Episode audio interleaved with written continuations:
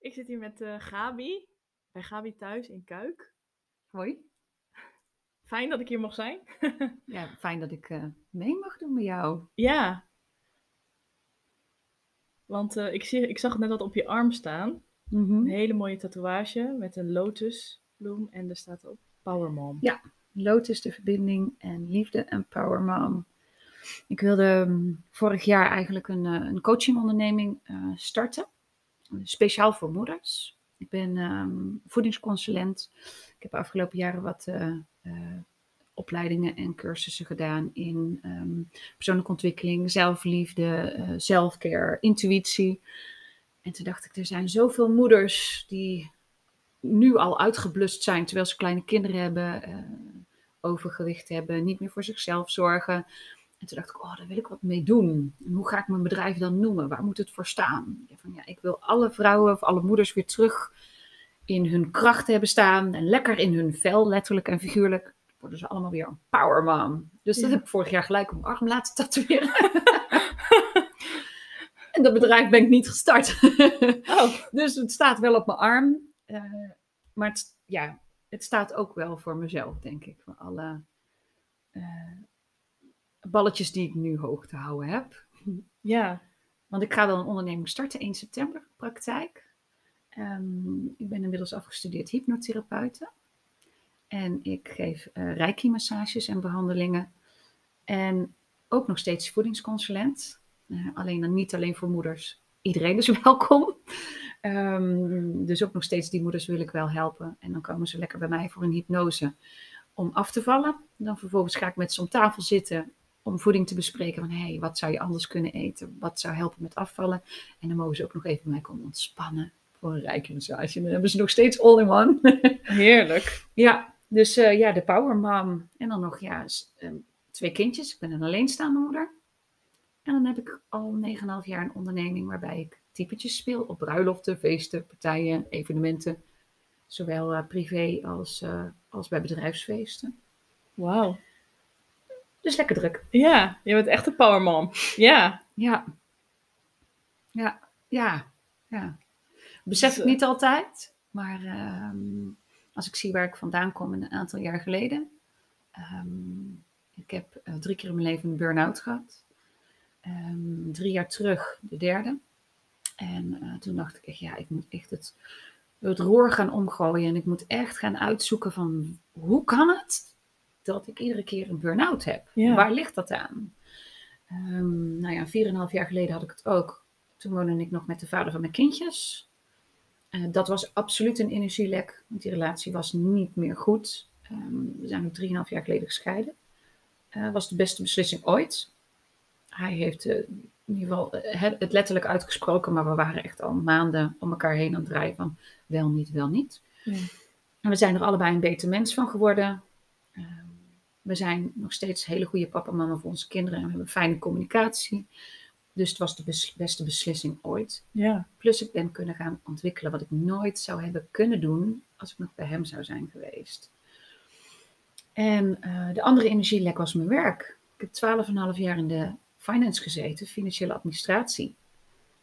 Ik als creatief persoon, eh, maar dan de hele dag facturen boeken en, en betalen. En, Ja. Alleen het verdiende op dat moment goed. Ja, je hebt het geld toch nodig. En, en vanuit thuis uit meegekregen, hey, schouders eronder, niet aanstellen. Je hebt een baan, dus je moet niet zeuren. Ja, tot het besef kwam van, ja, maar wat zijn dan die energielekken? En toen kwam ik op, nou ja, en jonge kinderen Ja. ook nog. Vooral toen ik alleen kwam, drie jaar terug. Ik ben moeten verhuizen, mijn ex bleef in dat huis. Dus ik moest voor de kinderen een nieuwe school en opvang regelen. Ik verloor toen ook nog mijn baan, dus ik startte ook nog met een nieuwe baan in een nieuwe woonplaats waar ik niemand kende. En ik ging weer in de financiële administratie werken, want ja, waarom? Ja, daar had ik nou eenmaal zoveel jaren ervaring. Dus ik ben gaan solliciteren, waar werd ik als eerste aangenomen. En Ja. kreeg ik weer een goed contract met een goed salaris. Nou oké, dan doen we dat maar. Was het handig? Nee, maar dat wist ik op dat moment niet. Plus, je staat dan in eh, de overlevingsmodus. Want je moet wel. Ik Ja. heb twee kindjes hun mond te voeden. Dus ben ik weer die finance ingegaan. Ja, dat heb ik een jaar volgehouden. En eh, toen was ik leeg. Of een half jaar volgehouden trouwens. En toen was ik helemaal leeg. Ja. En toen ben ik eerst gewoon echt een paar maanden thuis gebleven. En toen heb ik een, eh, een, een jobcoach in de arm genomen. Hé, hey, maar wat past dan wel bij mij? Nou ja, daar kwam het er nog niet uit. Ehm, dus toen heb ik een paar maanden gewerkt als case manager in de verslavingszorg. Dus dan werk je heel veel met mensen. Echter, ik kom niet uit de verslavingszorg, zowel niet qua werkervaring als opleiding. Dat was echt te zwaar. Ehm, dat was geen match. Dat is toch een bepaalde. ehm, ja, mensen met een bepaalde problematiek. Dat is echt wel heftig. Ja. Maar nog steeds kriebelt het wel in mij. Mensen wil gaan helpen. En ehm, iets in mij zei, ja, dat, daarvoor ben jij hier op aarde. Ja. En ehm, toevallig vorig jaar ehm, een, een kennis eh, van mij, eh, die eh, deed hobbymatig wat met human design. En toen dacht ik, wat is nou human design? Ik had er nooit van gehoord. Ja, dat is jouw blauwdruk, dat is waar jij mee geboren bent. Ja. Ja, zegt ze, dan kun je op echt karakterniveau zien en weten wie jij bent. Dus kun je beter met jezelf omgaan. Kun je anderen ook uitleggen hoe ze beter met jou om kunnen gaan. En wat bij jou past en wat niet bij jou past. En wat kwam daaruit? Ik ben hier om mensen wat te vertellen. Om van mijn ervaringen aan hun te vertellen en ze wat te leren en om ze te helpen. Oh, zie je, het klopt. het klopt. En ook in mijn human design, ik ben een projector. Ehm, ik moet geen hele dagen werken, want dat trekt me leeg. Mhm. Eh, projectors zijn ook de mensen die eh, de hoogste kans hebben op burn-outs. En toen dacht ik weer, oké. en wij hebben een omgeving nodig met mensen die ons energie geven. Want wij hebben eigenlijk geen eigen accu. Ja, accu wel, maar we laden niet zelf op. Dus wij hebben het nodig van energie om ons heen. Maar wel positieve energieën. Want negatieve energieën, dat trekt ons weer helemaal leeg. Nou ja, ik kan mijn laatste baan nog wel herinneren. Daar had ik één collega. Daar werkte ik twee van de drie dagen mee op kantoor. En oh, ze kwam al binnen en ik was binnen vijf minuten leeg. En dat ik altijd, ja, maar ik vind werk toch best leuk. Hoe kan het nou?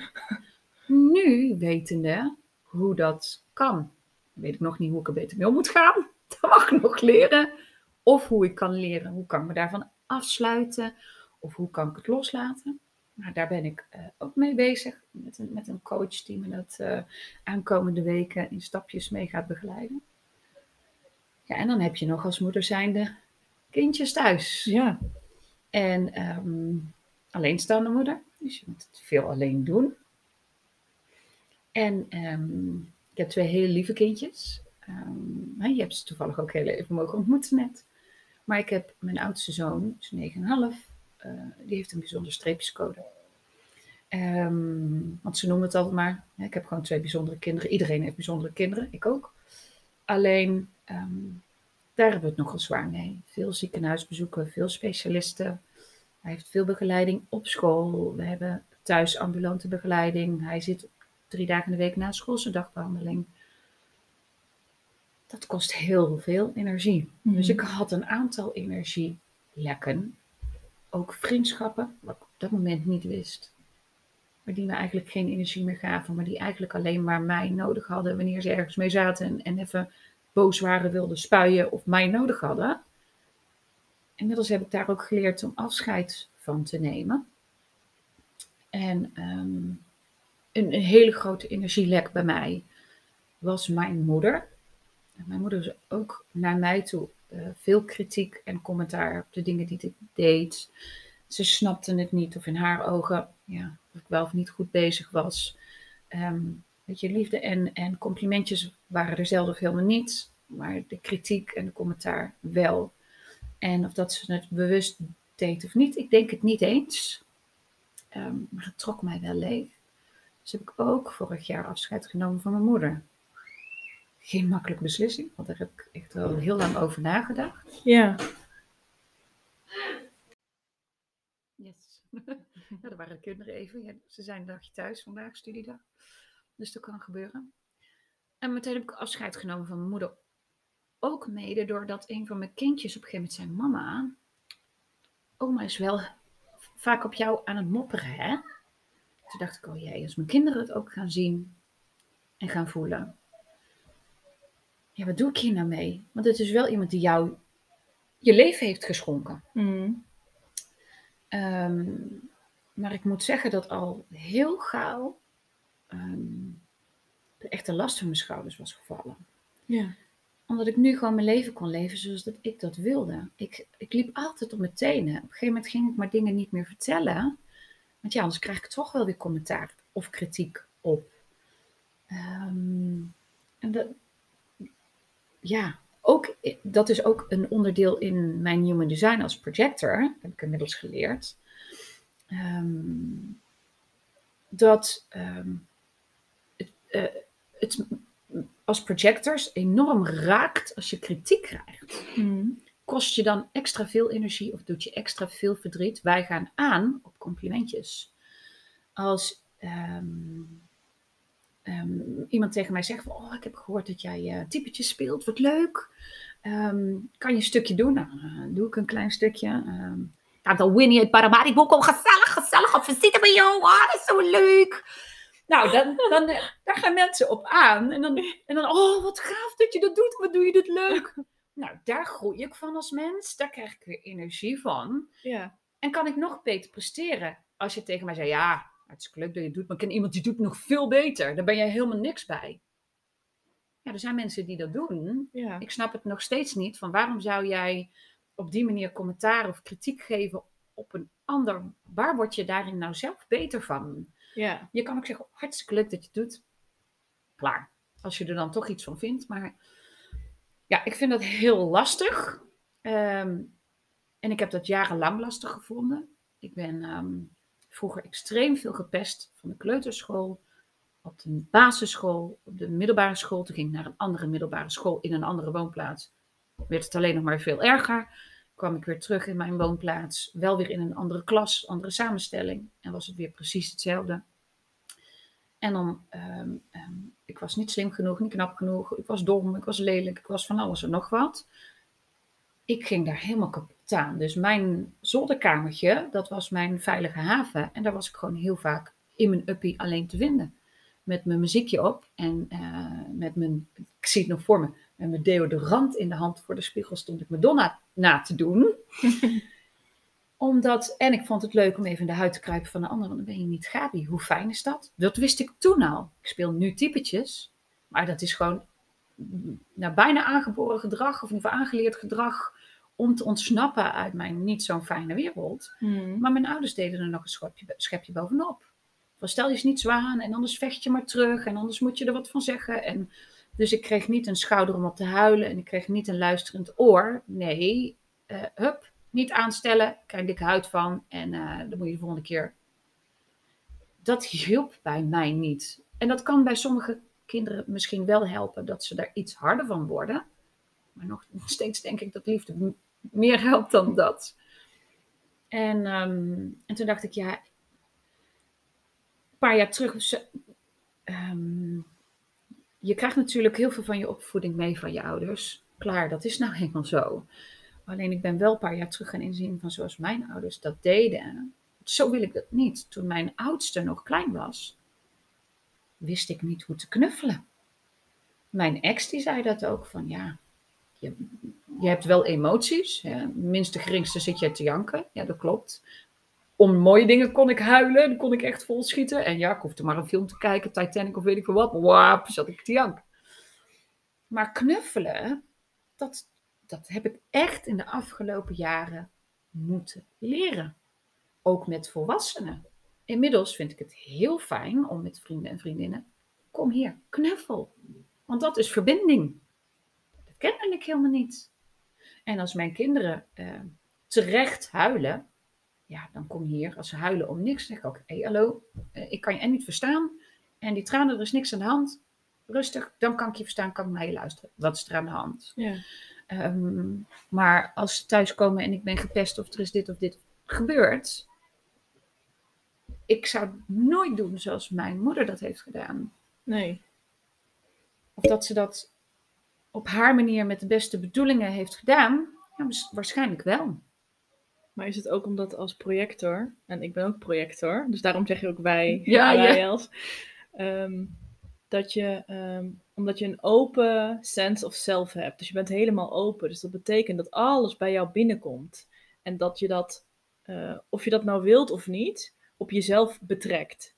Dus al die kritiek, dus ook al weet je misschien rationeel van, nee, maar dit klopt niet. Of kan je dat nu rationaliseren en bedenken van, ja, maar dat zegt niks over mij. En, ehm, maar qua gevoel komt het alsnog binnen, zeg maar.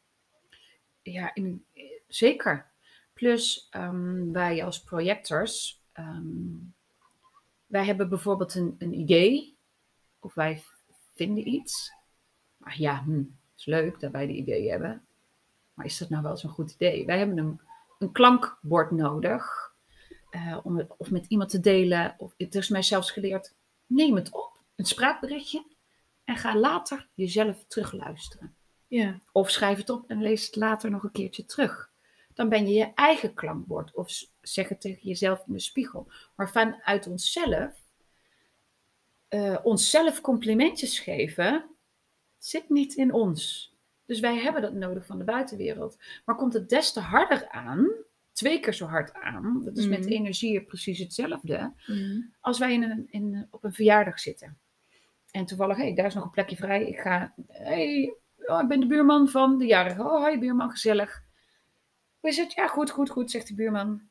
Ja, wij hebben binnen drie seconden gevoeld, als het helemaal niet goed gaat met die buurman. Mhm. Want woep, er komt bij ons binnen.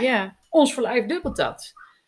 Ja. Zo heb ik jarenlang stress of onrust gehad. Of zo'n nagejaagd gevoel. Of dat ik ineens verdrietig werd. Dat ik dacht, hè? Waarom ben ik ineens verdrietig? ja, Of waarom voel ik me ineens boos? En dat ik denk, hoe kan dat nou? Ja, nu weet ik door mijn human design. Energieën zijn niet voorbij. ja, je neemt het gewoon over. Je neemt het over. Maar hoe? Dat wil ik dus nu graag leren. Hoe kan ik dat zoveel mogelijk afsluiten of weer loslaten? Van oké, ik voel dit nu. Dit is een energie die zit nu in mij, maar die is niet van mij. Ja, Dus ik heb al een aantal meridianen, lijnen, tappen, oefeningetjes. Om... Dat helpt een beetje. Vooral helpt het je om op dat moment eventjes in het hier en nu te zijn en te, te ademen. Maar het helpt nog niet genoeg. Nee. Of, ehm, weet je, dat weet jij waarschijnlijk ook, maar dat is voor niemand goed om s'avonds nog te veel op je social media's te zitten en dan vervolgens naar bed te gaan, want dan is je hoofd nog helemaal druk. Dat is voor ons nog een stukje erger. Maar wat nou als ik midden op de avond een, ehm, een berichtje krijg, net zoals gisteren, een uitnodiging van een vriendinnetje van me. Ik heb kaartjes voor een festival.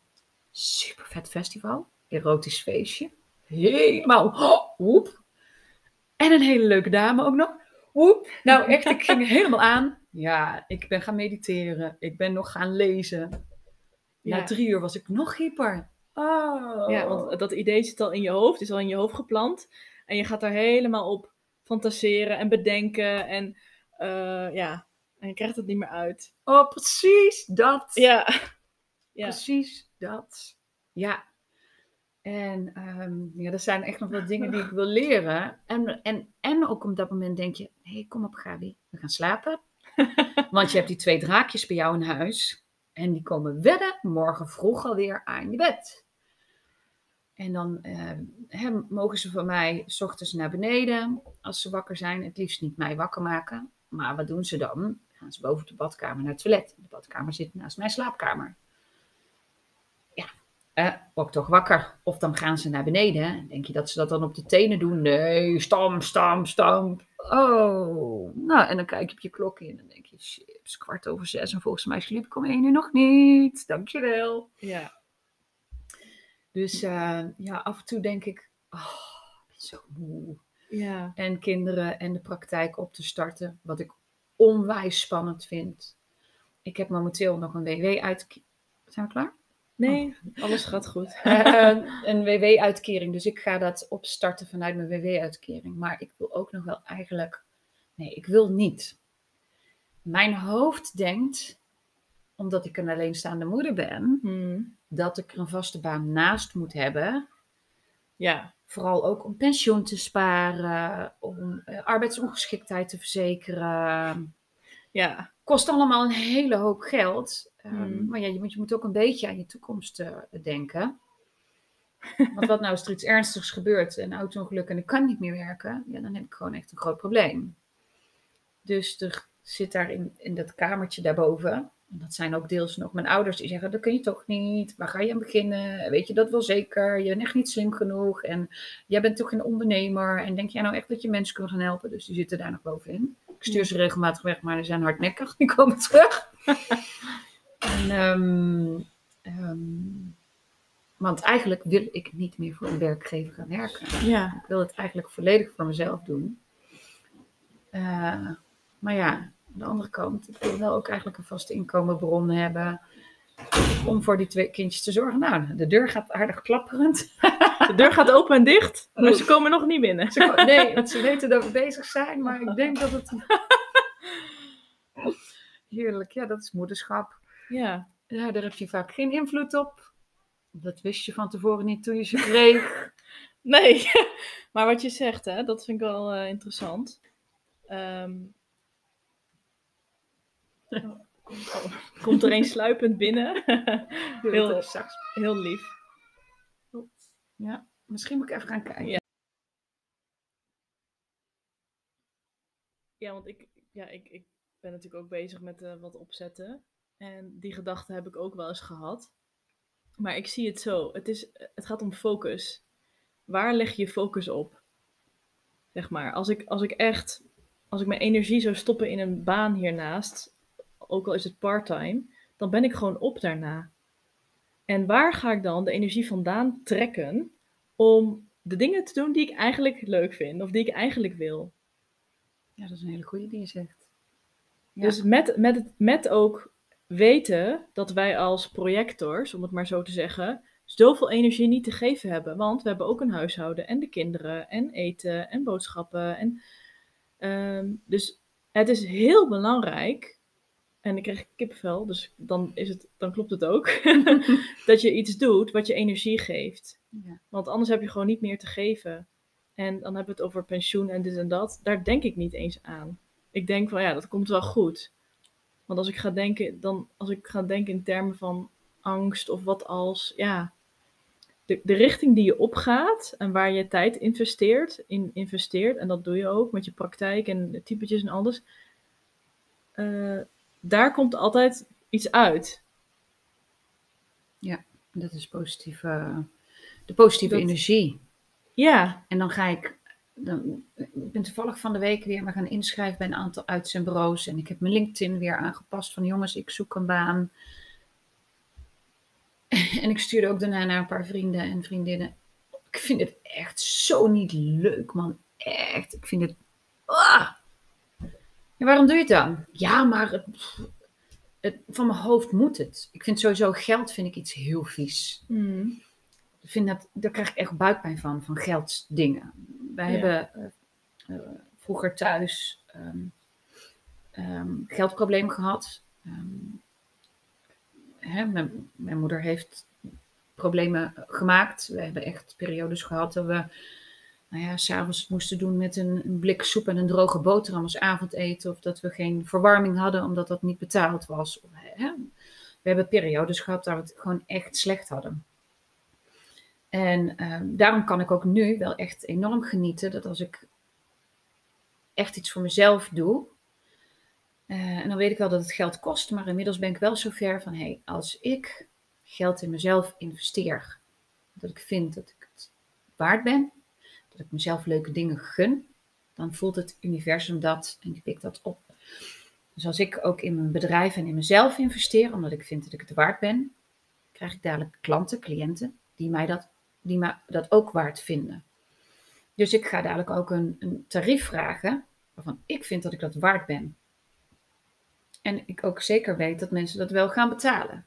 Maar dat is die positieve energie. En Ja. met wat jij nu zegt, als ik dus, ja, een kwartje valt dan nu pas, tijd ga stoppen in het zoeken van een baan, terwijl ik helemaal geen baan wil. Ik wil niet voor een werkgever gaan werken. Ik wil gewoon mijn eigen bedrijf opstarten. Ik wil die praktijk opstarten. Ik wil dadelijk een bloeiende praktijk met, waar, waar ik gewoon heel veel mensen mag gaan helpen. En vooral met hypnotherapie. Je kunt zo gek niet bedenken, lichamelijk of geestelijk, eh, hoeveel klachten of problemen je kunt, niet volledig kunt verhelpen of in ieder geval kunt verminderen met hypnotherapie. Mhm. Bizar. En ik denk vooral door de laatste jaren met al die coronamaatregelen, mensen die thuis moesten zitten in lockdowns of die ziek zijn geweest, of in hun omgeving mensen hebben gehad die ziek zijn geweest. ehm, hoe ze daardoor bang zijn geworden, of, of mensenschuw zijn geworden, of burn-outs hebben gekregen, of depressies hebben gekregen, of eh, eh, huwelijken die kapot zijn gegaan, bedrijven die kapot zijn gegaan, dus financieel aan de grond, of hè, mensen die ehm, daadwerkelijk ehm, op zijn. Nou ja, die kun je met hypnose echt wel een heel stuk op weg helpen. Met onzekerheden, maar ook iemand die al 30 jaar rookt en die zegt: Ik heb nou alles al geprobeerd, eh, het lukt me niet te stoppen met roken. Nou ja, daar kan je met hypnose wel. Een aantal sessies, maar dan ben je gestopt met roken. Uh, nagelbijten. Nou, je kan het zo gek niet bedenken. Mensen die, die ehm, eh, bepaalde lichamelijke klachten hebben. Bijvoorbeeld, ja, ik heb echt al vijf jaar last van mijn darmen en in het ziekenhuis, ja, ze krijgen het niet gevonden. Mhm. Ja, hoe vaak is er niet een, ehm, heeft er iets gespeeld, minder fijne gebeurtenis? Ze noemen iets al heel gauw een trauma. Als je je teen stoot, is het al een trauma. Hè, dat noemen ze nou eenmaal allemaal trauma. Maar stel dat je iets hebt ervaren, voor mij is het, hè, ben je een volwassen vrouw, maar is jouw vader overleden. En ehm, net daarna is, zijn die darmklachten een beetje gestart. Of je hebt daadwerkelijk ooit een keer een bacterie gehad. En je darmen zijn daarvan over de vlos geraakt. En dat is eigenlijk altijd zo gebleven. Nou, je bent naar het ziekenhuis gegaan. Ze hebben alles eh, onderzocht. Ze hebben kweekjes afgenomen. Ze kunnen niks vinden. Je bent andere voeding gaan eten. Mhm. Lichaam en geest werken zo dusdanig veel samen. Dat heel veel lichamelijke kwaaltjes die je voelt. Als je moe bent. Of je last van je schouders. Of je buikpijn. Of hoofdpijn. Hoe vaak komt het niet vanuit het brein? Ja. omdat jij met zoveel dingen bezig bent. Of als je een trauma hebt gehad, het wordt opgeslagen in al je cellen in je lichaam en het komt er op een bepaalde manier uit. Nou, dan ga je met hypnose datgene wat je, waar je last van hebt, de problemen waar je tegenaan loopt, waar je echt van af wilt, ga je dat met hypnose weer veranderen. En soms kan het niet helemaal, omdat sommige klachten die je hebt, die wil het onderbewust in stand houden. Die wil daar niet van af. Om een voorbeeld te geven, ik heb een keer een dame gehad. Zij uh, heeft een hele slechte uh, jeugd gehad, misbruik van haar vader zelfs notabene. Nou, ik kan me bijna niks naarders bedenken dan dat. Daar heeft ze wel therapieën voor gehad. Op een gegeven moment in haar volwassen leven is ze ook getrouwd, heeft kinderen gekregen. Die man bleek een narcist te zijn. Dat was in het begin sprookjeshuwelijk, dat werd uiteindelijk een hel. Uh, daar werd ze ook vreselijk door geestelijk mishandeld. Dus weer een hele nare ervaring door een man. Ze is op een gegeven moment wel sterk genoeg geweest om te zeggen: Ik wil van je scheiden. En toen zei hij: Dat is prima, hou je de kinderen ook maar, want daar heb ik geen zin in. Dus ik kreeg geen alimentatie en fulltime kinderen. Nou, dan loop ik af en toe te mopperen met mijn kinderen, maar dat is echt heel naar.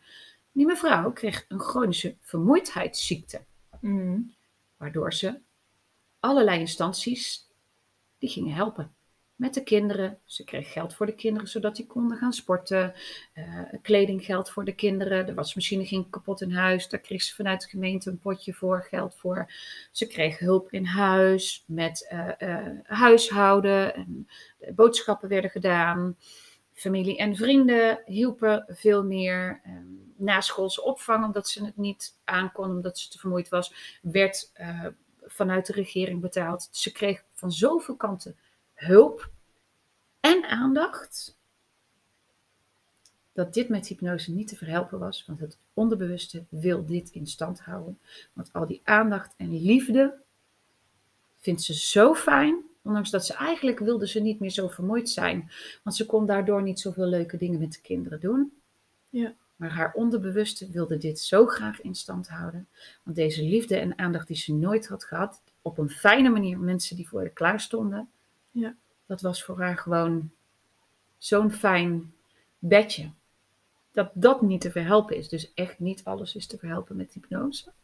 Maar iemand die bijvoorbeeld vroeger heel veel gepest is op school en daar nu als volwassene nog last van heeft. Oh ja, maar mijn collega's die roddelen over mij. Ik weet zeker dat het over mij gaat. Ja, wat zullen ze over mij zeggen? Wat zullen ze van me vinden? Mhm. Dat is heel goed wel bijvoorbeeld met hypnose te verhelpen. Ja. Ja, dat is zo machtig mooie tool. Ja. Ik heb het zelf mogen ondergaan vorig jaar. Vandaar dat ook mijn verandering na alles wat ik al had gedaan aan persoonlijke ontwikkeling en zelfliefde. Dat dit nog zoveel meer heeft veranderd. En in het begin van het jaar ben ik onder hypnose gegaan op het moederschap. Ik vond moeder zijn namelijk niet leuk. Ik vond moeder zijn zelfs vervelend. Ik had zelfs gewild dat ik geen moeder was. Ik heb hoe vaak niet zitten huilen. Als ik het terug kon draaien, tien jaar, dan had ik nooit kinderen genomen. Want het is zwaar. En het is vermoeiend. En ze maken je spullen kapot. En ze kosten heel veel geld. En het is altijd herrie. En het is altijd rotzooi. En ik ben mijn vrijheid kwijt. En ik kan niet doen en laten wat ik wil. En ik doe het toch nooit goed genoeg. Nou, zo kon ik misschien wel nog meer opnoemen. En ik deed zelf de opleiding hypnose. En op een gegeven moment zei de leraar: Is er iemand die een klacht of een probleem heeft waar die echt heel graag van af wil? Nou ja, er waren er een paar. Toen mochten we gaan dobbelen. Alleen ik had al lang het universum ingeslingerd en gemanifesteerd. Ik wil geholpen worden. Ja. Dus ik dobbelde zes. Dus ik mocht eh, onder hypnose. Die hypnose is ook gefilmd, zodat ook de overige leerlingen, maar ook in de andere eh, klassen van dit filmpje kunnen leren. En ik heb die hypnose vier, vijf weken daarna nog een keer thuis bekeken. Mhm. En een paar weken terug nog een keer gekeken. En het heeft zo'n enorme verandering teweeggebracht. Het is bizar. Ja. Ja. Ehm, en natuurlijk maken ze nog steeds herrie. En maken ze nog steeds rotzooi. En ze kosten nog steeds geld. En ze maken nog steeds spullen kapot. En ik heb nog steeds niet de vrijheid die je zou hebben als dat je geen kinderen zou hebben. Alleen de acceptatie is er nu. Ik ehm, kan met meer zelfvertrouwen doe ik het opvoeden nu. Want ik doe het wel echt goed. Ik doe sowieso gruwelijk mijn best. Ehm, maar ik merk het ook in de laatste drie maanden dat de kinderen komen veel meer naar me toe. Er wordt veel meer geknuffeld. Er wordt veel beter gecommuniceerd. Het lijkt ook wel dat ze echt minder rotzooi maken en minder kapot maken. Ehm,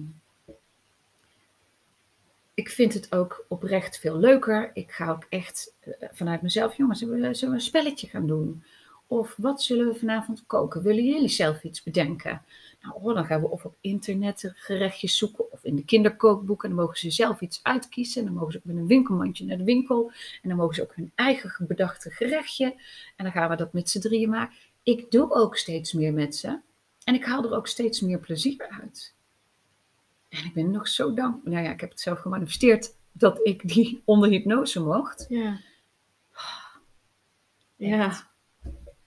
Wauw, en dat was gewoon één, één sessie. Dat is één sessie. Maar omdat ik die sessie nu twee keer nog terug heb gekeken. En ik ben daadwerkelijk op een gegeven moment, want ik zit dan op de bank met de laptop op schoot.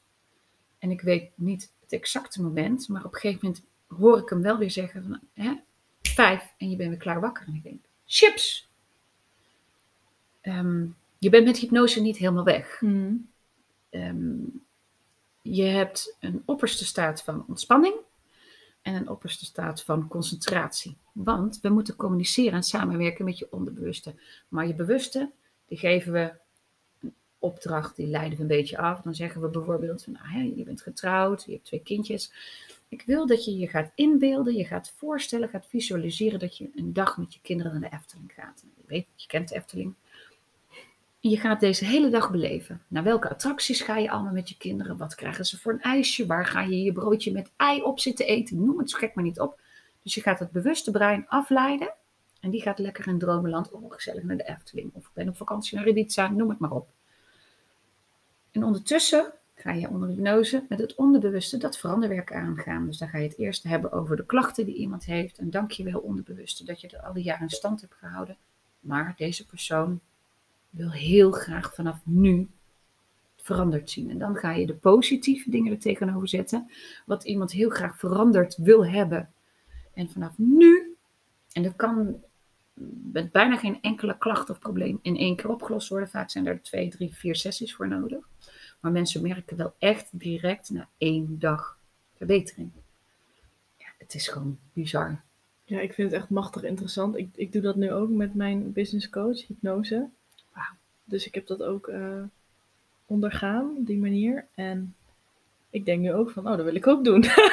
Ja, het is echt, Echt, iets heel moois. ja, echt ehm, machtig, ja. ja. Ja, Dus eh, we hadden het er net dan over eigen onderneming. Nou ja, dit kriebelt al helemaal. Dus ik wil Ja. mensen gaan helpen. Ik wil niet voor een baas werken.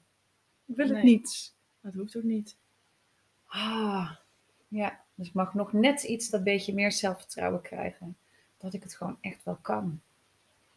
Ja, want als je die weg op gaat en jij vraagt daar en je krijgt klanten en ik weet zeker dat je die, dat je die krijgt en je bent al die ondernemer en eh, je vraagt wat je, wat je waard bent en dan, dan heb je toch al je pensioen. Ja, die moet ik wel gaan sparen. Het moet wel apart gezet natuurlijk. Ja. Ja, maar dan Ja. komt het daar, daar toch vandaan. Ja, Dan komt het daar vandaan. Daar gaat het dan allemaal vandaan komen. Zo, zo zie ik het. dat, daar Dat, heb je ook eh, wel gelijk in. Maar ja, het is natuurlijk het onbekende, wat het natuurlijk wel spannend maakt. Ja, En ik heb geen partner, ik heb geen, geen nee. neveninkomenbron, zeg maar, die ook de huur betaalt en het eten van mijn kindjes. Dus ik ben degene die kostwinnaar is en die alles moet regelen. En, of moet, ja, dat hoort er nou eenmaal bij. En dan, ja, heb je natuurlijk ook nog je privéleven. Ik ben natuurlijk niet alleen mama en eh, ik ben ook nog Gabi. En ik vind het ook nog leuk om heel leuke dingetjes te doen. en eh, ook nog ooit eh, een, een liefdesleven daarnaast te hebben in ieder geval geïntegreerd. Dat hoort er natuurlijk een beetje bij. En dat is ook nog een spannend traject dat ik aan het bewandelen ben. Want ik, ik ben niet een standaard vrouw. ik, ehm, ik weet al heel lang dat ik zowel op mannen als op vrouwen val. Al denk ik wel dat het bij mij 60-40 is. 60% mannen, 40% vrouwen. En ik heb altijd gedacht, ja, dan moet je kiezen. Ja, Ja, dat kan je niet maken. Maar inmiddels ben ik eh, al een hele tijd ehm, dat ik dacht van ja, maar als ik dan gewoon een, partner, een man als partner heb, en wat nou als ik hem vraag dat ik ook gewoon een vriendinnetje naast mag hebben. Maar dat ik hem niet per se hoef te telen, zeg maar. Sommige mannen willen dat dan gelijk, die hebben helemaal wauw, trio's, porno, jee. Nee, gewoon dat ik ook een vriendinnetje mag hebben. Dus toch geen concurrentie. En ehm, vorig jaar heb ik een, een, een hele gave workshop gedaan voor vrouwen, seksualiteit. En dat je echt meer mag gaan uiten en mag gaan voorstaan wat, waar eigenlijk je verlangens liggen. Met gelijkgestemde, 30 vrouwen, prachtig, in een, in een heel mooi kerkje. En het was spiritueel, en het was meditatie, en het was tantra, en het was verbinding, en het was ha, wauw. ja. Ehm, via eh, de, de coach die dat deed, Denise, eh, Temple of Pleasure. Die, ehm, daar zijn we eh, in een, een telegramgroep terechtgekomen. Met ook weer gelijkgestemde, open-minded mensen. ehm, open relaties, swingers, polyamorie, biseksueel, alles. Toen dacht ik, oh, die past bij mij. Ik pas bij hun. Hoe fijn. En ehm, dan kwamen er wat foto's en wat leuke filmpjes en erotische verhaaltjes, wat alles mocht daar zijn. En toen kwamen we met een, aantal mensen, die waren er wat meer actief in. En die zeiden, hey, waarom gaan we niet eh, al die verhaaltjes bundelen of zo, een boek van maken Dus in die trant? Oh, dat is een goed idee. Dus toen werd er een subgroep, een nieuw Telegram groepje aangemaakt. En dat was november, december. En inmiddels zijn we dus al heel wat maanden verder. En ehm, we zijn een erotisch boek gaan maken met z'n allen. Eh, The Great Pleasure Bible. Met erotische verhalen, maar echt wel mooie verhalen. Met dadelijk prachtige foto's, classy foto's, waar, waar je iets bij gaat voelen. En niet voelen van oké, ik heb gelijk zin in porno. Wat iets bij je oproept. Maar met alles wat er mag zijn. Dus of dat je nou poly bent, of een open relatie, of juist monogaam, of dat je nou hetero bent, of biseksueel, of homo, of lesbisch, tantra, kink, BDSM, eh, aseksueel, transseksueel, panseksueel. Alles mag er zijn in die groep. En ik leer zoveel van die mensen. En ik durf steeds meer mezelf hierin te zijn. En het mooie is, ik bespreek dat ook met mijn kinderen. En natuurlijk niet letterlijk en ik ga ze niks voordoen. Maar mijn kinderen weten dat alles er mag zijn. Ja, mama, jij bent eh, biseksueel hè? En dan mijn dochter zegt, ben, ben ik ook. Want ik heb verkering met Lef en met Nick en met Jace. En ik ben ook nog verliefd op Janouk en op Liv en op Flo. Ik zei, nou, dan ben je niet alleen biseksueel, dan doe je ook nog polyamorie. Hè? En mijn zoontje zo, ja, ik denk niet dat ik homo ben. Ik denk ook niet dat ik biseksueel ben. Ik denk dat ik gewoon hetero ben. Nou, jongen, dat is helemaal goed. Want alles is goed. En er zijn mensen die denken, ja jeetje, dat je dat met je kinderen bespreekt. Ja, waarom niet? Wat nou als ze dadelijk 13, 14 zijn en denken, hmm, mijn dochter, ik ben een meisje en ik ben verliefd op een meisje. Dan Hmm. gaat dadelijk iedereen me pesten en dan gaan ze raar over me denken. En wat nou als ik dat papa en mama moet vertellen? Ja, dat ga ik toch niet aan papa en mama vertellen? Ja, wel, kom alsjeblieft naar papa en mama. Ja. Ik heb dit vroeger nooit gemogen en dat was bij ons thuis allemaal niet bespreekbaar.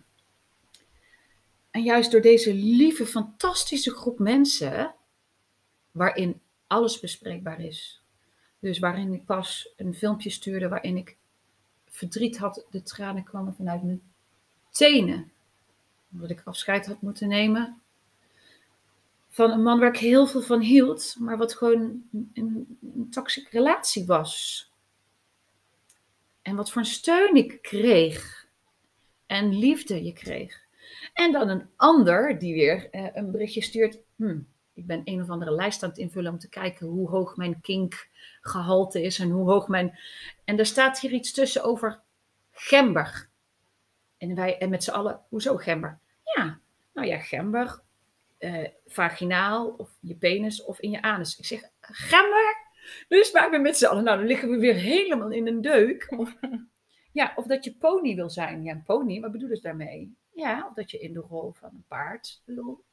Ik zeg, nou ja, ik vind het meer om bereden te worden. Of om op een man te gaan zitten om te rijden. Hm, waarom nou mijn eigen als hond of als paard? Maar ja, al dit soort gesprekken. Ja. Alles mag er zijn. Oh, er gaat een wereld voor me open. En nog spannend, straks gaan we ook nog op de foto. Dus ik heb toevallig al twee verhalen mogen schrijven voor dit boek. Ik mag nog een derde verhaal gaan schrijven. Ehm, allemaal mooie verhaaltjes. De een iets langer verhaal, de ander wat korter verhaal. En, ehm, maar ik ga waarschijnlijk straks ook in mijn blote bibs op een aantal foto's. Wij met de hele groep, individueel, eh, met duo's, trio's. Alle verhalen worden een beetje wel ook in een foto eh, ehm, toegelicht. Dat het toch ook nog weer wat prikkelt. Hoi, dat gaan we dadelijk gewoon eh, in Nederland op de markt brengen. Dat gaan we gewoon de eter in slingen. Omdat wij Nederland willen laten zien dat er geen taboe meer op ligt. Seks is iets fijns. En vooral als we het gewoon, alle partijen die eraan meedoen, het willen, willen natuurlijk, uiteraard. Maar waarom mogen we daar niet over praten en waarom zouden we dat niet mogen doen? Want hoe mooi is het dat we liefde mogen delen? Als heel de wereld nou eens een keer wat meer liefde zou gaan geven, in plaats van haat en vingertjes wijzen en jaloers zijn op elkaar en alleen maar leven in angst, wat onze trillersfrequentie alleen maar verlaagt. We mogen meer happy zijn en liefde strooien en liefde delen en er voor elkaar zijn. Oh, echt, ik ben nog echt het universum zo dankbaar. Universum is trouwens mijn beste vriend. Zo dankbaar dat dit op mijn pad komt. Of dat ik nou heb, dat we het gemanifesteerd hebben. Ja, Ja. daar zat natuurlijk al heel lang een verlangen. Maar ja, hoe vind je zo'n groep? Of hoe vind je in godsnaam iemand waar je dat überhaupt dan mee kan bespreken? Nou zit je in een hele groep. Oep, Hoe fijn is dat? hoe ja. fijn is dat? Ja. En ook als ik daarvan die andere moeders mag leren, hoe zij weer bepaalde gesprekken hebben met hun kinderen. En hoe zij bepaalde dingen bespreken of oplossen. Of Ja. ook in het moederschap leren we van elkaar. Of in het ouderschap. En toevallig hebben we in deze groep ook een, nog meer dames die. En ook in de WW zitten, net als ik. En ook een eigen bedrijf aan het opstarten zijn. En hoe we dan weer van elkaar mogen leren daarin. Ja. Die geeft weer tips. Of al is het alleen maar steun van, hé hey Gabi, maar dat kan jij. ja. Daar hoef je helemaal niet over te twijfelen. Zo mooi. Ja, want inderdaad, ik- in de podcast met Janneke hadden, hadden we het ook een stukje over de, de Pleasure Bible, inderdaad. Want zij doet daar ook aan mee. Ja. Zij is er ook een onderdeel van. Ja. Dus eh, ja, kijk uit naar eh, die publicatie. Oh ja, nou, Dat, anders eh, ik wel. Ja, Ja, ja. ik ben ook heel benieuwd hoe. Nou ja, in Nederland, ja, ik heb, ik heb geroepen, maar meerdere van ons. Dit wordt gewoon een bestseller. Want we gaan hier gewoon een gruwelijke taboe mee doorbreken. En er zijn al steeds meer coaches. En je ziet het ook steeds meer op social media's. Hè? Mhm. Ehm, ehm, mensen die eh, eh, speeltjes verkopen, maar waar steeds meer een verhaal bij wordt verteld. Die steeds meer ook open zijn van jongens, waarom wordt er niet meer gesproken over seksualiteit? Want seksualiteit is iets moois. En steeds meer coaches, en je ziet ook steeds meer tantra's bijvoorbeeld upcoming, of shibari, dat is een vorm met, met touwen en binden. Daar ben ik nog helemaal niet in thuis, maar dat vind ik reet interessant. Ik wil dat allemaal. Ik ga bijvoorbeeld 3 september naar een, een, een festival dat heet Vierde Liefde. Nou, daar ga ik in alleen maar een doekje om, verder naakt. Gaan we een aantal workshops krijgen. We gaan leren dat je met aanrakingen en streling en in verbinding en sacred. Ik denk, oh, Wow. wauw, dit ga ik gewoon doen. Hoe mooi. Dat je dat gewoon kan gaan verkennen. En dat ik het nu ook durf, omdat ehm, ik een aantal vriendinnen heb die ik al heel lang ken. Die denken, ja, daar heb je Gabi weer. Ik was altijd wel al wat meer open in, in seksualiteit. Ehm, ik heb wel het een en ander wel al mogen ervaren met mannen en vrouwen en, en trio's. Maar ik besef me nu meer dat dat eh, ehm, lust is geweest of eh, opvullen is geweest van leegtes. Hè, dat ik dacht op die manier, als ik dan aandacht krijg, dat dat ook een vorm van liefde is. Ja. Maar nu, ik wil echt in verbinding. Ik wil echt liefde. Dat is nooit geen liefde geweest. En het Mhm. was leuk en ik ben heel blij dat ik het heb mogen ervaren. Ehm, maar nu ga ik echt die stap verder. En nieuwe mensen die ik ontmoet, mannen en vrouwen die ik leer kennen, ehm, vertel ik ook direct. ehm, en natuurlijk niet één van hoi, ik ben Gabi, ik ben 43, ik heb twee kinderen en dit is mijn bedrijf. En oh ja, ik wil polyamorie ontdekken. Dat is een beetje overdreven. Ehm, maar wel al vrij snel in welke zoektocht of ontdekkingstocht eigenlijk eh, ik mee bezig ben. En dat ik daar nog heel veel van wil leren. En dat ze dus weten dat ik niet die standaardvrouw ben die dadelijk met zijn handje in een handje op de bak gaat zitten. Zeven dagen in de week. eh, om eh, weet ik veel wat eh, op televisie te kijken. Goede tijd, slechte tijd. Ik heb geen tv-zenders meer, dus ik weet niet eens wat op televisie is tegenwoordig, maar oké. Dus dat ik niet die monogame vrouw ben die standaard. Ik denk ook dat wat bij mij past en wat ik nodig heb en waarnaar ik naar verlang, dat ik dat niet bij één persoon kan vinden. In ieder geval, ik Mhm. weet het zeker dat je dat niet bij één persoon kan vinden. Alleen de maatschappij heeft ooit heel lang geleden is dat besloten. hey, man en vrouw, je gaat trouwen. En eh, ja, dat je dan niet alles aan je partner leuk vindt. Ja, dat neem je dan maar voor lief. Dat accepteer je dan maar. En dat je dan zelf ook het een en ander tekort komt wat je eigenlijk wel nodig hebt. Ja, dat neem je dan ook maar voor lief. Ja. Want zo hoorde dat. Zo moest dat. En toen dacht ik, ja, maar hoe zonde is dat? Dat je niet het volste kunt genieten van het leven, van wat je nodig hebt, wat je verlangt, maar ook wat je een ander kan geven Ja. en ook wat je een ander gunt. Hoe mooi zou dat zijn?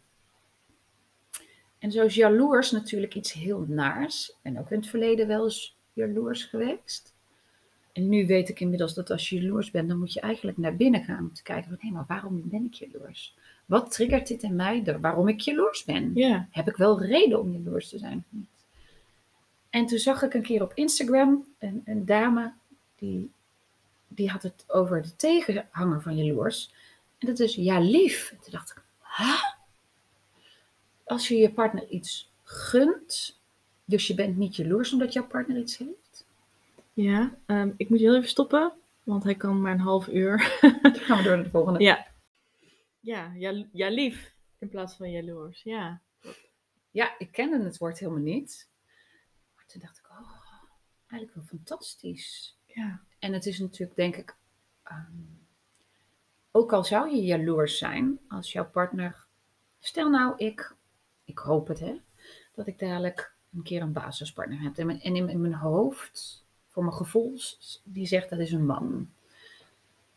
En de meeste mannen hebben ook echt geen probleem als jij zegt van ik zou er graag ook een, vriendinnetje bij willen. Niet voor ons samen, maar hè, omdat ik nou eenmaal ook gewoon naar een vrouwenlichaam verlang. Maar dat je met vrouwen ook andere gesprekken hebt. Nou, de meeste mannen zeggen prima. Veel plezier. Ehm, maar voor hetzelfde geld ontmoet ik ooit nog een keer ook een, een man waar ik een bepaalde connectie en verbinding mee heb. Waarin ik zeg van ja, ik ontmoet, jou nou. Ik voel, hè, we voelen nu chemie, maar ik heb wel ook nog een partner. Ik, hè, ik heb een open relatie, polyamorie. Dus ik mag ook met jou daten. En ik ga mijn partner dat ook vertellen. Dus alle, alle partijen zijn op de hoogte in open en eerlijkheid. Dus als iedereen daarmee uh, akkoord gaat. Maar voor hetzelfde geld komt mijn basispartner thuis en zegt, uh, Gabi, oh, we hebben een nieuwe collega bij ons op kantoor. Zo'n leuke dame. Oh, daar ben ik vanmiddag koffie mee gaan drinken. Ik heb zo'n klik met haar. Wat vind je ervan als ik daar in het weekend een wijntje ga drinken? Ik heb nog geen idee, want ik ben nog met die zoektocht bezig. Ik, voor hetzelfde geld denk ik ook. Oh, en wat als die dan haar dadelijk leuker Ja, ja, precies. Dat de andere kant is. Dat, uh, dat kan. Maar dan nog ben ik inmiddels, en dat is wel nu mijn bewuste die spreekt, hè? nog niet mijn onderbewuste en misschien dat gekwetste kind, Mhm. want die zit er natuurlijk ook nog wel een beetje. Ehm, mijn bewuste zegt van ja, als dat zo is, dan is dat zo. Dan heb ik een mooie tijd met deze partner gehad, heb ik hele mooie momenten gehad, hebben we mooie herinneringen gemaakt. Maar dan is dat zo. Dan komt er echt wel weer iemand anders op mijn pad. Daar ben ik wel heilig van overtuigd in de laatste jaren. Mhm. Dat dat nou wel in vriendschappen is, als in dates of in relaties. Zodra je ergens een deurtje dicht doet, gaan er één of twee of drie, of weet ik veel hoeveel deuren open. Maar daar heb ik wel een vraag over. Dat mag. Want daar ben ik zelf heel benieuwd naar. Want oké, natuurlijk, je ontmoet heel veel mensen, en je gaat, maar je gaat een verbinding aan, zeg maar. Je gaat een relatie aan, of die nou open is of niet, of in wat voor vorm dan ook. Mhm. Maar als dat op een gegeven moment stopt op de een of andere manier, of dat diegene ook zegt van ja, maar ik heb ook nog iemand en jij, dat, dat, dat kan, jou, kan jij niet aan, of dat raakt jou zo erg, of wat er dan ook gebeurt dat die relatie niet meer verder gaat. De pijn die dat veroorzaakt en het feit dat je dan heel erg gekwetst raakt, ehm, houdt dat jou niet tegen om dan te zeggen: Oké, ja, ja, maar dan, eh, dan eh, opent zich wel een ander deurtje ergens anders. Want om telkens weer door die, die pijn, en dus, dus je gaat eerst een hele een diepe verbinding aan, hè, fijn, heel veel liefde, en nou ja, dan houdt het op, en dan, nou ja, dan maar weer iemand anders, en dan houdt het daar misschien ook op, en dan weer, en dan. ehm, Maar is dat anders dan in monogame hetero-relaties? Want dan ga jij daten met een hetero man, zogenaamd denkende een monogame relatie, maar die kan jou ook kwetsen en pijn doen en verdriet doen en vreemd gaan. En dan denk je, oh shit, ja hé, maar jij bent nou vreemd gegaan, dus ik verbreek de relatie en ik ga weer opnieuw daten. Want als je dat niet doet, dan weerhou je jezelf van het mogen ervaren van liefde, hmm, omdat je bang bent dat je misschien gekwetst kan gaan worden. En dat is in een polyrelatie niet anders dan in een monogame relatie. Want ehm, ik heb dat in de laatste jaren geleerd en het is nog niet helemaal geïntegreerd, want dat gaat nou eenmaal niet zo makkelijk. Vooral niet door je opvoeding die je hebt en de overtuigingen die nog in je zitten. ja, Eigenlijk kan nooit iemand anders jou kwetsen, want ik kan nog tegen jou zeggen, wat heb je een stomme knot op je hoofd? ja, Eigenlijk zou jou dat nul moeten boeien. Want jij denkt, hé, hey, ik vind een knot wel leuk. En ik vind hem makkelijk. En het is warm weer, dus ik heb mijn haar omhoog. Dus het gaat bij jou één oor in en het andere oor uit. En eh, na één seconde weet jij überhaupt dan niet meer wat ik het heb gezegd. Of jij denkt, shit, ja, zij vindt mijn knot niet leuk. Waarom niet? En dan voel jij je gekwetst. Of ik zeg gewoon in het algemeen, knotjes vind ik echt zo geen gezicht. Zeg ik het nog niet eens rechtstreeks tegen jou, ja, maar jij voelt je aangesproken en jij voelt je gekwetst. Terwijl ik jou niet gekwetst heb. Maar dus je zegt eigenlijk, als zo'n situatie zich voordoet, dan, ehm, dan heeft dat ook zo moeten zijn. Weet je wel, dan ga je ook uit elkaar, maar dan ga je ook in liefde uit elkaar. Van oké, dan, ja, net zoals met die man wat je net vertelde. Ja, daar ben ik in liefde uit elkaar. Ja, dus Hoe pijn het ook deed. ja, precies. Doet. Ja, Ja. dus je gaat wel op een goede manier uit elkaar. En dat geeft dan, ehm, dat zorgt ervoor dat je de energie positief houdt in jezelf en behoudt om te kunnen zeggen van, oké, maar er is misschien nog wel iemand anders. Of er zijn nog Eerst even niet hoor. Eerst Ja, heb nee, je echt ja. wel echt heel veel Ja, echt pijn en verdriet. ja, maar En dan is, maar dan is nog steeds echt al een stemmetje in mijn achterhoofd die zegt van Gabi, doordat jij nu de weg vrij maakt, komt er echt wel iemand anders weer op je pad. ja, En dat komt er ook. Dat, daar ben ik, nou daar twijfel ik geen seconde aan. Er zijn genoeg dingen in het leven waar ik nog wel eens aan twijfel, maar daar twijfel ik echt geen seconde aan. ja, En wie, wat, hoe, waar en wanneer, dat weet ik niet. En dat ik het dan frustrerend vind dat het me niet snel genoeg gaat. En waar blijft hij nou? Waar staat hij, hij of zij? Voor hetzelfde geld staan ze al om de hoek en heb ik ze niet gezien of staan ze al voor mijn neus en denk ik echt niet. Ik vind hem of haar helemaal niet knap genoeg of niet leuk genoeg. Want ik heb nog wel een ego. Er zit hier echt een ego die zegt, ja, maar hij, moet, hij of zij moet minimaal er zo uitzien. Zo'n zo'n lichaam hebben. ja, ja. Of eh, hè, die leeftijd. Ik heb, want in mijn hoofd, ik, ik val op jonger. Zowel mannen als vrouwen. En mijn ego heeft me ooit gezegd van ja, nee, oudere man is niks voor jou. Ik, heb, ja, ik ben best wel jong van geest. En ik zit vol energie. Als je mij op een festival ziet staan, dat is een van mijn grootste passies. Dan doe ik niet onder voor iemand van 30 en ik ben 43. En ehm, ik zie er dan niet uit als 30, maar ik zie er ook zeker niet uit als iemand van 43. Dus in mijn hoofd wordt er gewoon een ontzettende knappe vent van 33 of zo naast te staan. Die dan ook gewoon een lekker lijf heeft, die goed voor zichzelf zorgt, een beetje sport. En dat ik denk, oh, dat ik iedere keer weer als ik hem zie, dat ik denk, oh, ben je lekker. En dat was het probleem. Mijn Friend with Benefits twee jaar lang. Dat was geen toyboy. Dat was geen sexbuddy. Wij waren echt oprecht hele goede vrienden. Ik deelde alles met hem. Echt leuke dingen, maar ik heb ook heel vaak in zijn armen liggen huilen. Of als ik ergens mee zat, vroeg ik hem om advies. Maar die had een killer body, jongens. Echt. Geen grammetje vet. Het was ook een sportman. Ehm, eh, hij had zowel een baan als ook een, een, een, een sportschool. Ehm, eh, een vechtsportschool. Ehm, ja. Dat ik ook echt tegen mijn ego zeg: Ja, Gabi, daar, hè, dat is een hele mooie herinnering. Dat was geweldig. Daar heb je van genoten. Maar ga er maar vanuit dat je zoiets niet meer terugkrijgt. Dus ik moet daarin het standaard lager gaan leggen. Want waarom? Iemand is niet minder leuk omdat hij misschien niet sixpack heeft of zo. En bij, maar bij vrouwen vind ik op de een of andere manier is het geen must. Ik vind een vrouw vaak mooier als daar wat rondingen aan zitten. Ik heb zelf ook mijn rondingen. Ik ben niet super slank. Zeker niet dik, maar ik ben niet super slank. Ehm, ik ga niet mopperen, maar er zijn echt wel dingen aan mijn lichaam die ik niet mooi vind. Ehm, maar ik denk dat dat heeft iedereen. Dus ik ga gewoon niet mopperen. En vrouwen vind ik gewoon wel mooi als daar ook gewoon rondingen aan zitten. En vrouwen zijn lekker zacht. En ik vind, uiteraard, ik vind het gezicht het allerbelangrijkste. De uitstraling, de ogen, de lippen en tanden. Ja, Tanden ja. Ja, ja. En lippen. Zoenen. Echt. Dat is het meest magische wat er bestaat op deze wereld. Zoenen. ja. Echt. Als iemand goed kan zoenen, dan ben ik verkocht. Maar als iemand ook niet goed kan zoenen. En wat is goed? Ik denk namelijk als je, je voelt van, oh, dit is niet goed. Dat ligt niet aan of iemand wel of niet kan zoenen. Nee, gewoon geen match. ja klopt. In de zoen Ja. zit de match. Ja, Daar voel je het al, hoe leuk iemand ook is. Want ik heb ook eind vorig jaar met een man gedeeld, gedate.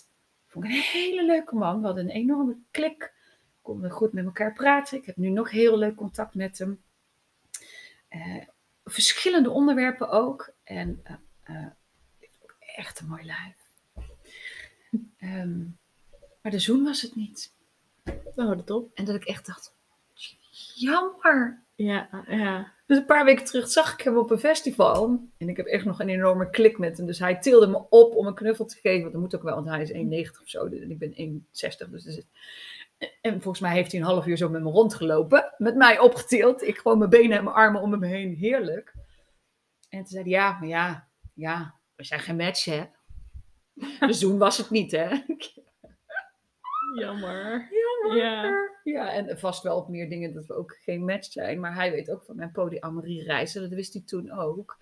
En ehm, dat zou voor hem helemaal geen probleem zijn geweest. Want hij is zo'n vrije man, geen kinderen. En eh, die reist het liefst de hele wereld door. En ook een paar keer per jaar reist hij ook de hele wereld door. En, ehm, maar die zoen, dat is het dan niet. Al heb ik me ook ooit één keer vergist in een man. Waar ik echt een avond en een nacht mee daar had ik al een paar dates mee gehad, maar we echt uren zitten zoenen op de bank. Dat we ook allebei zeiden, oh, we zijn een pubers.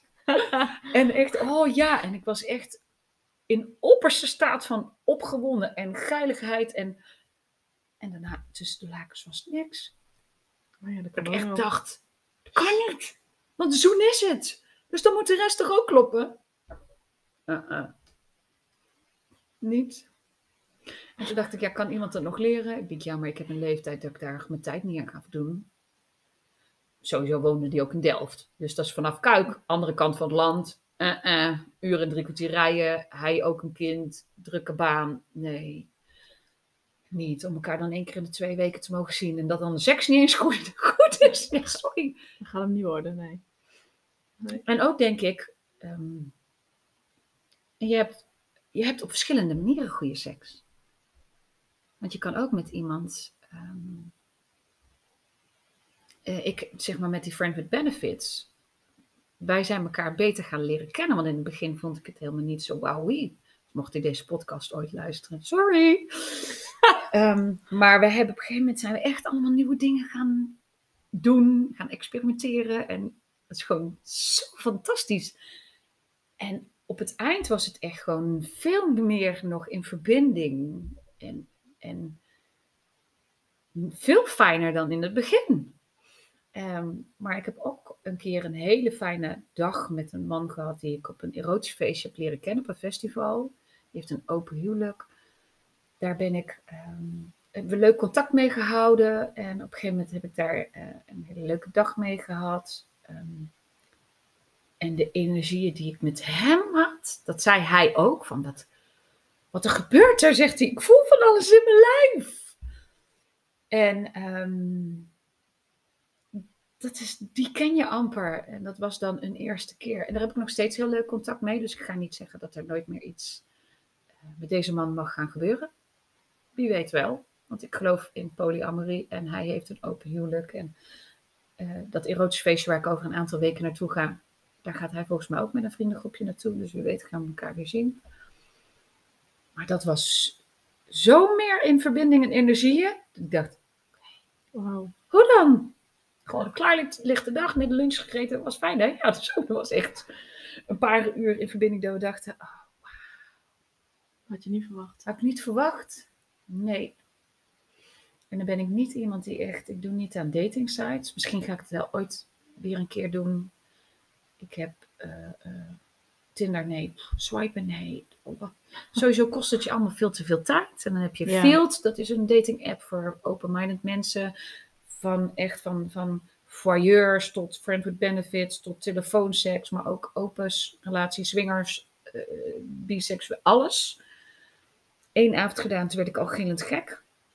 Want ik als alleenstaande biseksuele open-minded vrouw, dat noemen ze schijnbaar, dat noemen ze een unicorn, dan ben je uniek. Dus ik werd bestookt met berichtjes van zowel stellen als mannen. Oh, Nee, dat was me echt, dat was te, dat, ik denk nee, dat, dan kan ik een assistent gaan inhuren die mijn berichtjes kan gaan beantwoorden. Nee, dat is te, te overwhelming. En dan hoorde ik van de week vanuit de Bijbel, Pleasure Bijbel, eh, familie, vrienden, eh, magische mensen, fijne mensen. Breeze. Toen dacht ik, wat is Breeze nou weer? Ja, dan moet je ook een profiel aanmaken. En dan is het ook wel een beetje hè, swipe of je, hè, je. En dan heb je op een gegeven moment een match. En dan regelt Breeze een date. Dus je mag niet met elkaar chatten. Maar ook niet met elkaar bellen, niks. Dus je hebt alleen een profiel gezien en een foto. Ja. En zij regelen dan dat je ergens een drankje met die persoon gaat doen. Dan ga je eigenlijk op een soort van blind date op één, foto na. Dacht ik, Hmm. ga ik dat wel durven of doen? Ik denk, oh. Ja, ik- bij mij komt het aanwaaien. Mijn social media, het, wordt, het is af en toe gewoon echt... Ik heb vorige week, twee weken terug tegen het universum gezegd, ik ben er klaar mee. Ik kreeg op een gegeven moment gewoon drie, vier berichten per dag van onbekende mannen die... Hi beauty, of eh, zo, jij bent een lekkere mail. En er was dan een of ander gastje van 21 dat we dan een bericht stuurden. Dat ik dacht, Oké. en dat is ja. dan je open, dat zei ik ook, hè? Dat is dan je openingszin. Van jij bent een lekkere milf. Oké. Ja, maar ja, ik heb nog een wensenlijstje en ik, eh, een milf heb ik nog niet gehaald. ik ga me verder zoeken, doei. Ja. Of dickpics. Oh, ook ja. zo'n fenomeen. Dan moet ik zeggen dat dat de laatste tijd eh, eh, rustig is. Maar ik heb een periode gehad dat het echt om de haven klap. Dat ik denk, heb ik hem gevraagd? Nee. Je trok het aan. Ja, dat, is, dat denk ik wel. ik verlangde naar piemels. het universum gaf me piemels. Ja. Nee. Dat was wat je nou deed ja, voor, de, voor de luisteraars. Voor sommigen die dat ooit hebben gezien, de lama's. Ja. Ja. Ruben, die dan, was het nou, deed hij nou Alexander na of deed hij nou Maxima na? Die allemaal piemels ging pijpen. Ja, ja, ja, ja. Dat Nou, dat beeld, beeld! dat deed ik even stiekem. Oh, Ja. nee, Ja. dat wil ik gewoon Nee. niet meer. Nee. Ja, dus eh, mama en vrijgezel en bedrijf opstarten. Ja, want hoe vind jij in alles wat je in je bedrijf en met de kinderen en je huis en noem maar op, hoe vind je dan die tijd voor jezelf of om te daten of inderdaad naar een festival te gaan? maar ja, ik wil niemand pushen, maar scheiden kan ook heel fijn zijn. in mijn geval, want dan heb je om het weekend kinderen niet. En ze zijn dan in mijn geval elke maandag bij hun papa. Dus als het papa weekend is, breng ik ze vrijdag om vijf uur. En vervolgens zie ik ze pas dinsdag. Gaan ze namelijk naar school of naar de BSO. Om, hè, met etenstijd pas weer. Dus die weekend heb je sowieso alle tijd om eventueel te gaan daten. En om je eigen dingetjes te doen. Heel soms heb ik een festival. eh, dat wel in mijn kinderweekend eh, valt. En dan probeer ik een oppas te regelen. Dat doe ik uiteraard zo min mogelijk. Want hey, alleenstaande moeder. Nu alleen een WW-uitkering. Met af en toe een typetje opdracht oppas moet ook betaald worden. Want ja, ik heb geen opa's en oma's klaarstaan voor mijn kinderen. Dus ik kan niet, hoi oma, mogen de kinderen bij jou logeren? Want ik wil graag naar een feestje. Dus ik moet het ook betalen. Dus maakt zo'n festival gelijk twee keer zo duur. Want je moet die oppas voor weet ik veel hoeveel uur betalen. Ehm, en ik pak gewoon door de dag heen Gabi tijd. En dan heb ik nu natuurlijk makkelijk praten, want ik heb nu tijdelijk een WW. Maar ik start mijn ochtenden met een meditatie oortjes in. En mijn kinderen mogen lekker naar beneden. En eh, is het door de week, eh, ook dan gaan jullie maar vast aankleden, tandpoet, gaan maar vast naar beneden. Ik kom er zo aan. Dat momentje pak ik al voor mezelf. Op de dag heb ik ze natuurlijk een aantal uur niet, dus dan probeer ik ook een momentje voor mezelf te pakken. Vaak een uurtje doe ik even meditatie of een kort dutje. Hebben wij projectors dat ook nodig eh, om op te laden of om even echt even zen te worden. En eh, s s'avonds, ik lees veel, ik wandel graag, ik dans heel veel. Dansen is echt een van mijn grootste passies. Dus dan sta, liggen de kinderen op bed, dan heb ik mijn koptelefoon op, dan sta ik in mijn keuken, notabene. Mijn woonkamer is veel groter, maar nee, ik heb mijn sacred space voelt in de keuken. En dan sta ik met mijn koptelefoon op en dan sta ik zo een uur te dansen in mijn fantasiewereld. En dan ben ik op een of ander festival of ik ben op een strandtentje, mm, lekker met vrienden, met mijn voetjes in het zand aan dansen. Of ik ben op Ibiza, of ik- ik- van alles. Of ik ben met een vrijpartij bezig, noem het maar op, want dan gaan we fantasie lekker los. Ehm, die tijd pak ik. Ik ga heel af en toe eens naar de sauna. Heel af en toe eens met vriendinnetjes uit eten. Maar ik pak gewoon een aantal keer per dag echt tijd. En deed ik dat vroeger? Nee, ik raaste door. Ik deed alles voor anderen. Mm. Voor mijn partner, voor mijn kinderen. En ik weet nog wel dat mijn ex zei: Ja, maar eh, jij bepaalt alles in huis. En dan heb je weer een vaas gekocht en dan heb je weer weet, eh, wat we eten. Je bepaalt alles in huis. Ja, eh, prima, neem het over. Ga ik fulltime werken? Ga jij het huishouden en de kinderen doen? En ondanks dat ik best wel wat bepaalde, was dat het enige wat ik ook bepaalde. Want voor mijn gevoel werd ik geleefd en deed ik alles voor anderen, voor mijn kinderen, voor hem, zoals het moest voor de buitenwereld. Van, oh, ik doe dit maar zo, want wat zullen mijn ouders denken? En dat heb ik zo achter me kunnen laten en kunnen leren. Nee, hoe beter ik voor Gabi zorg, hoe beter ik in positieve energie zit. Want ik ben happier, ik ben gelukkiger, ik ben rustiger, ik ben minder gestrest. Werk door op mijn kinderen. Dus ik heb vrolijkere kinderen, die zijn ook liever en rustiger. Ja. Voor iedereen beter. Dus echt voor alle moeders die luisteren, je bent het waard om goed voor jezelf te zorgen. Hoe beter jij voor jezelf zorgt, hoe rustiger en happier je bent, gelukkiger je bent. Je komt alleen maar door beter voor jezelf te zorgen, zelfliefde noemen ze dat. Geef jezelf heel veel liefde, want hoeveel liefde je zelf geeft, straal je het uit naar de wereld, buitenwereld, krijg je ook van anderen meer liefde. Ja. Maar alleen al doordat je gelukkiger bent, hoef je nog niet eens op een dieet te gaan of gezonder te eten, maar ga je afvallen. Want het werkt ook door op je stoffenwisseling, op je spijsvertering. En ik denk dan ook als je nog een beetje wat meer gezonder eet. Want iemand, je hoeft niet slank te zijn. Ik ben ook niet slank, ik heb ook mijn vetjes. Ehm, maar krijg je wel ook nog meer energie en word je nog gelukkiger. Ja. En ik gun het iedereen om gelukkiger te zijn. En vooral moeders met kinderen. Want je geeft dan ook meer geluk aan je kinderen mee. En kan ik dat alle dagen? Nee. Kan ik ook niet alle dagen, kan- want ik ben ook nog mens. Ik heb ook dipdaagjes. Oh, en de maan. Volle maan, nieuwe maan. Volle maan, druk, onrustig. Mijn kindjes ditto. En nieuwe maan, ben ik moe. En dan kijk ik ook echt in mijn agenda. Als iemand met me wil afspreken. Zullen we dan eh, een drankje doen? Dan zie ik, oh nee, nieuwe maan. Dan ben ik al laag in mijn energie. Die persoon, die kost me ook soms echt energie. Ja, dan ben ik leeg, dus dat doe ik niet. Zullen we het een weekje later doen? Prima. Ja. En inderdaad, zelfzorg, want het klinkt altijd zo cheesy en dat hoor je overal van, ja, als je eerst goed voor jezelf gooit, dan zorgt, dan kun je beter voor je kinderen zorgen. Maar het is echt zo, want het gaat gewoon om behoeften.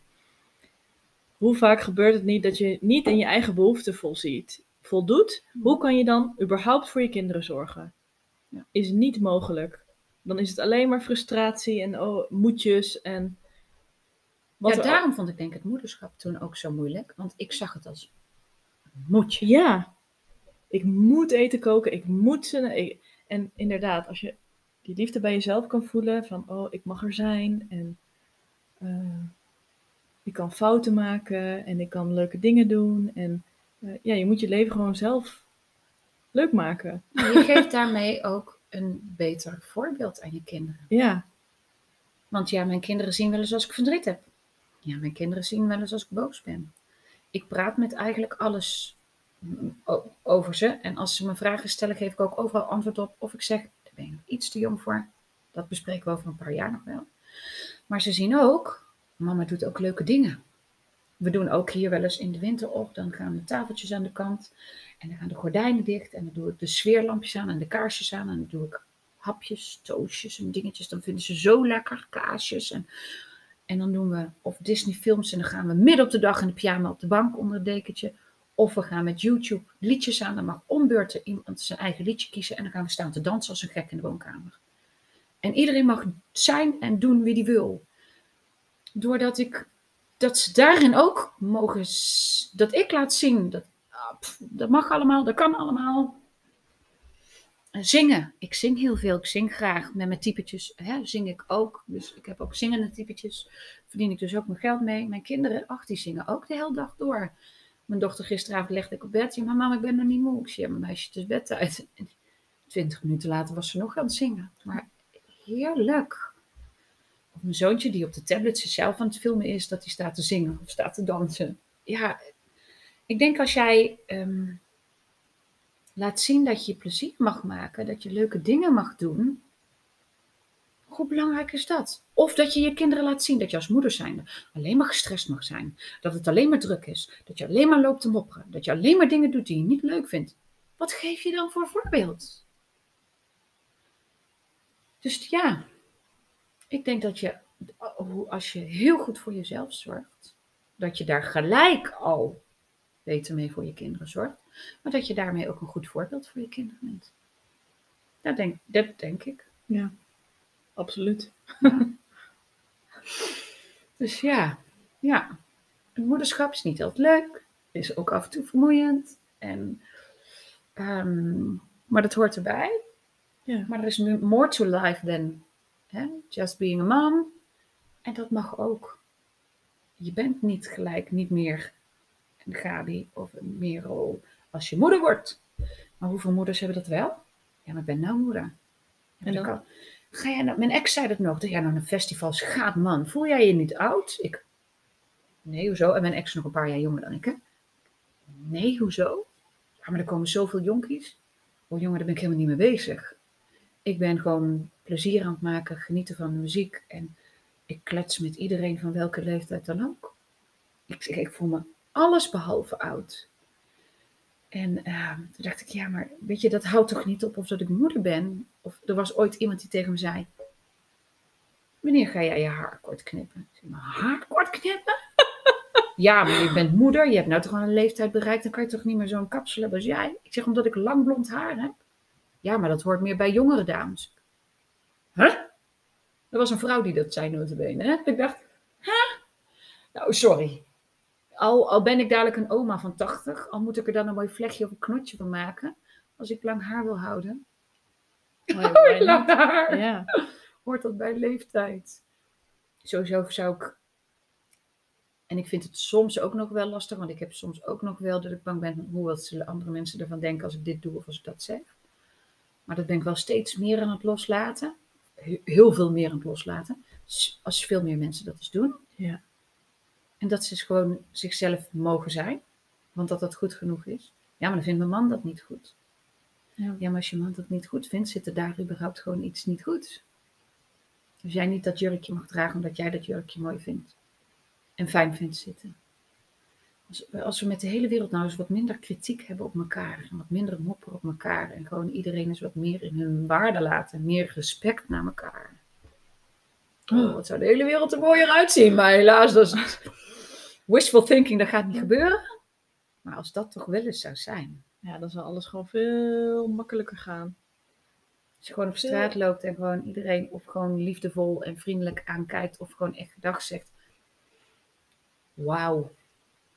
Hoeveel mensen doen dat niet of durven dat niet of eh, Ja, trekken de neus op of moet je die zien. Oh jongens, of commentaar op social media's. Oh ja. Sommige mensen die iets bij jouw foto of bij jouw filmpje of bij jouw quote posten. Ik denk, Moet dat nou? Wat brengt het jou? Ja, niks. Niks. Maar wat brengt het überhaupt social media in, in totaliteit? Natuurlijk vind ik het best dat je voor je mening uit mag komen. Als je ergens Ja. iets van vindt. Maar stel dat ik iets... Vorige week postte ik een heerlijke pasta salade, vond ik hè.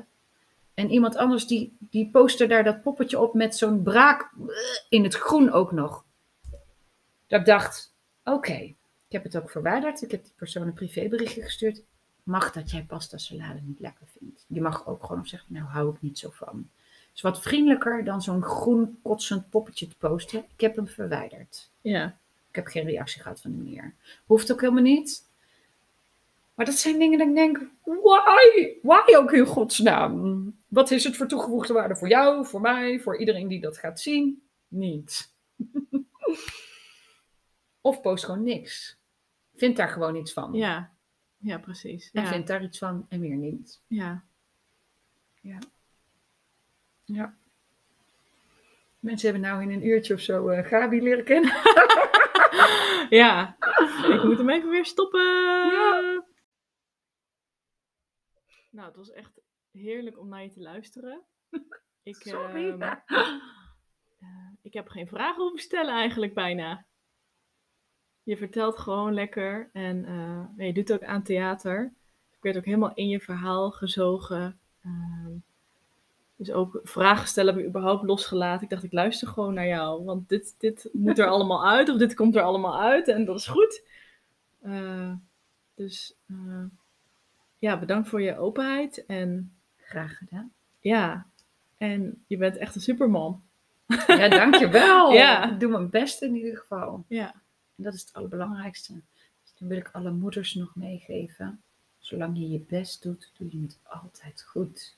En wees wat liever voor jezelf. Die, dat heb ik afgelopen maanden ook van een aantal mensen te horen gekregen. Wees niet zo streng voor jezelf. Wees wat liever voor Ja. jezelf. Op alle fronten. Ja. Ja. En als, eh, voor degenen die luisteren, voor een reiki-massage of een eh hypnosesessie, Ja, kunnen we bij jou terecht. dat mag zeker. Ja. En hoe kunnen we jou dan vinden? Wat is jouw eh, Instagram? Nou ja, ik ben nu nog te vinden onder Gabi van Beest. Zowel op eh, eh, Instagram als Gabi Beest, volgens mij op Facebook. En eh, mijn website Hypnotherapie Gabi, nou ja, hoe makkelijk is het.nl, die is in de maak. En die komt binnenkort ook online. En daar staat ook wat meer verteld over mijn hypnose, over Reiki en over mijn coaching als voedingsconsulent. Ja. En anders kunnen ze me nu al vinden onder www.typetjes-inhuren.nl. Als ze een feestje hebben. Hè? Je wordt 40, je wil feest met vrienden, borreltje. Huur een typetje in. Of kom ook nog een half uurtje zingen erbij, lekker feesten. La la la la. Bedrijfsfeestjes. Ook dat nog. Superleuk. Kinderfeestjes? Ook nog. Ik speel Elsa. En ehm, dan kunnen we leuk een bingo doen of een speurtocht. Of eh, hè, gewoon een gezellige spelletjes. eh, make-uppen. Meisjes, leuk. Met z'n allen een tafeltje make-up. Eh, maar voor jongenskindersfeestjes, daar ben ik niet zo aan thuis. Eh, dus het is vooral meisjes en lekker keuvelen. Ah, leuk. En voor de single mannen die luisteren, nee. single vrouwen die luisteren, nee. Ja, voor ieder wat wils. Nee. Ook dat, ja. Ja. Nou, dankjewel dat Ja. ik eh, hier aan mee mocht werken. Ja, jij bedankt. Een fijne dag.